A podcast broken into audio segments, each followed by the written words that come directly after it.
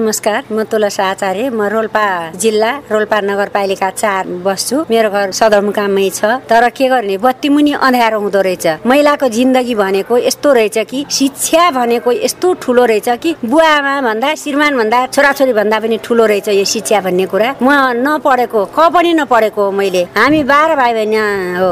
आठ भाइ दा दाजु भाइ र चार बहिनी दिदी बहिनीमा अनि म कति वर्ष भनेपछि मेरो श्रीमान म उन्चालिस वर्ष हुँदा मेरो श्रीमानको मृत्यु भएको हो मारिनु भएको हो विद्रोहीबाट भनेपछि मलाई एकदमै शिक्षाको आवश्यकता भयो। अब केही काम गर्दाखेरि जहाँ पनि अब म सहकारीमा अध्यक्ष छु। ए तुलसीको तु लेख्न नजाने पनि अध्यक्ष बनेर ऊ गर्छ भनेर दिदीबहिनीहरू हुन्छ नि त रिस गर्ने खुट्टा तान्नेहरू। ए म के भएको छु? मेरो हात छ मु खुट्टा छ मेरो आँखा छन् मुख छन् म के कमी छु? म पढ्न सक्छु भने। मलाई यो महिला विकासको अधिकृत मविय हुनुहुन्थ्यो शोभा शाह दाङको दाङ सिरे गाउँ घर भएको। उहाँले मलाई समूहमा बोलाउनु भयो म उहाँले आफै यो समूहमा बस्दाखेरि मैले त ल्याप्चे लगाएँ ल्याप्चे लगाउँदा उहाँले मेरो एकदम हेर्नुभयो दुःख मान्नुभयो। सही गर्नु मैले आउँदैन भने। नआउँदा उहाँलाई एकदम मरे तुल्ल भएछ अनि त्यो हुँदाखेरि उहाँले मलाई तपाईँ एक दिन म मलाई त्यो औलोले ज्वरो आएको रहेछ औलो मलेरिया भन्ने घरमै सुतिराखेको थिएँ। उहाँ मलाई घर खोज्दै जानुभयो। कसै ल पढ्नुपर्छ म यस्तै मलाई लाज लाग्छ भने। लाज नमान्नुहोस् म भए तपाईँको लाज हटाउने भन्नुभयो। उहाँ गएर मेरो परोटमा नाम लेखाइदिनु भयो मलाई सन्चो भयो म गएँ। राति राति म गएर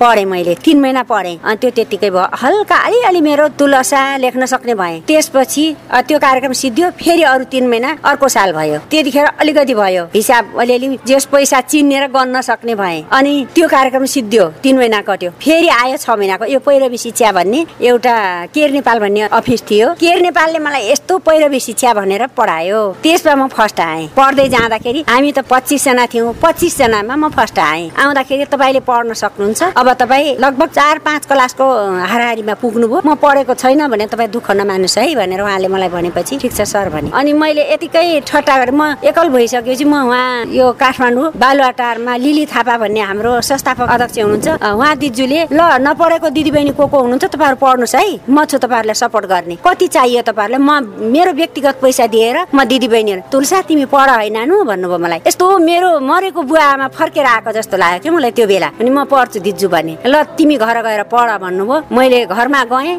त्यो कुरा गर्दा मलाई अहिले पनि आँसु आउँछ। गएर नौमा नाम लेखाएँ। नौमा नाम लेखाएँ। त्यहाँ जाँदाखेरि सरहरू हेरे हेरे हुनुभयो। अब मेरो श्रीमानसँग पढेका सा श्रीमानका साथी पनि त्यहीँ हुनुहुन्छ र श्रीमानले पढाएका सरहरू पनि त्यहीँ हुनुहुन्छ। खुसी भएर मैले अडचालिस वर्षको उमेरमा मेरो जेठाजुको छोरीको छोरी नातिनीसँग सँगै मैले परीक्षा दिने भएँ। अनि म त्यसमा पास भएँ। मैले पैँतिस दिन स्कुल गएँ। कुर्ता सुरुवाल लगाउने मैले अहिले पछि हो गरेको। सारीसँग म स्कुल जान्थेँ। मलाई तिनी रेगुलर पढिरहने बच्चाहरूले ए बोइ खै कस्तो लेख्यो ल्याउ त भने मेरो पेपर खोज्थेँ। सोध्थे मसँग ए पढाएछि लेखाछि यार यो बुढीले त। लेखाछि कस्तो राम्रो गरेछि हेरबड्डा मैले त यस्तो गरेको छु बिग्रियो मेरो त। यो बुढीले त राम्रो गरेर छि। अब त भोलिदेखि यहीसित बस्छु। भन्छ मलाई त। यसरी हेप्ने हेर्नुहोस्। दुई दिन त मलाई एकदम ठिकै छ। भन्नुहोस् भने। दिनदिनै त्यस्तो आउँछ। मेरो पेपर खोज्छ लाग्छ उसले त हेर्नुहोस्। एक दिन त पिट्न लाग्थेँ ठ्याक्कै सरले भेट्नुभयो। के हो म्याडम भने यस्तो यस्तो भन्छ सर यसले त भने सरले अर्को दिन तँलाई रेस्टिकट गरिदिउँ। कि उहाँलाई डिस्टर्ब गर्छस्? गर्दैनस् अबदेखि भनेपछि त्यसले गरिनँ। पछि म त अब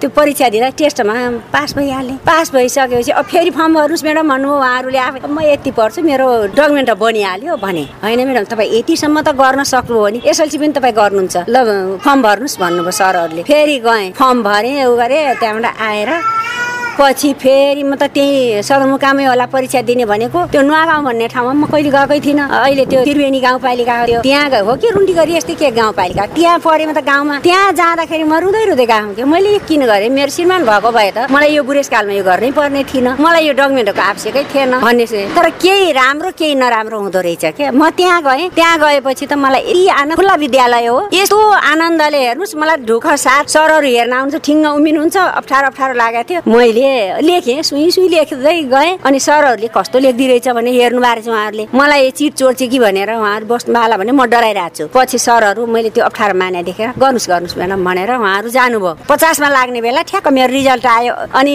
रिजल्ट आयो असारमा यति खुसी भएँ यति पास भएँ। विषय नलाएर पास भएपछि त म त त्यो त धेरै ठुलो प्रगति हो मेरो। मलाई त्यो दिन जस्तो खुसीको दिन कहिले पनि आउँदैन कि? पढ्नलाई त उमेरले छेक्ने रहेन। बाँकेको एकजना अस्सी वर्षको बुढाले लेखेको मैले त्यो न्युजमा देखेको थिएँ कि? अनि त्यस्तै म पनि के कम छु त?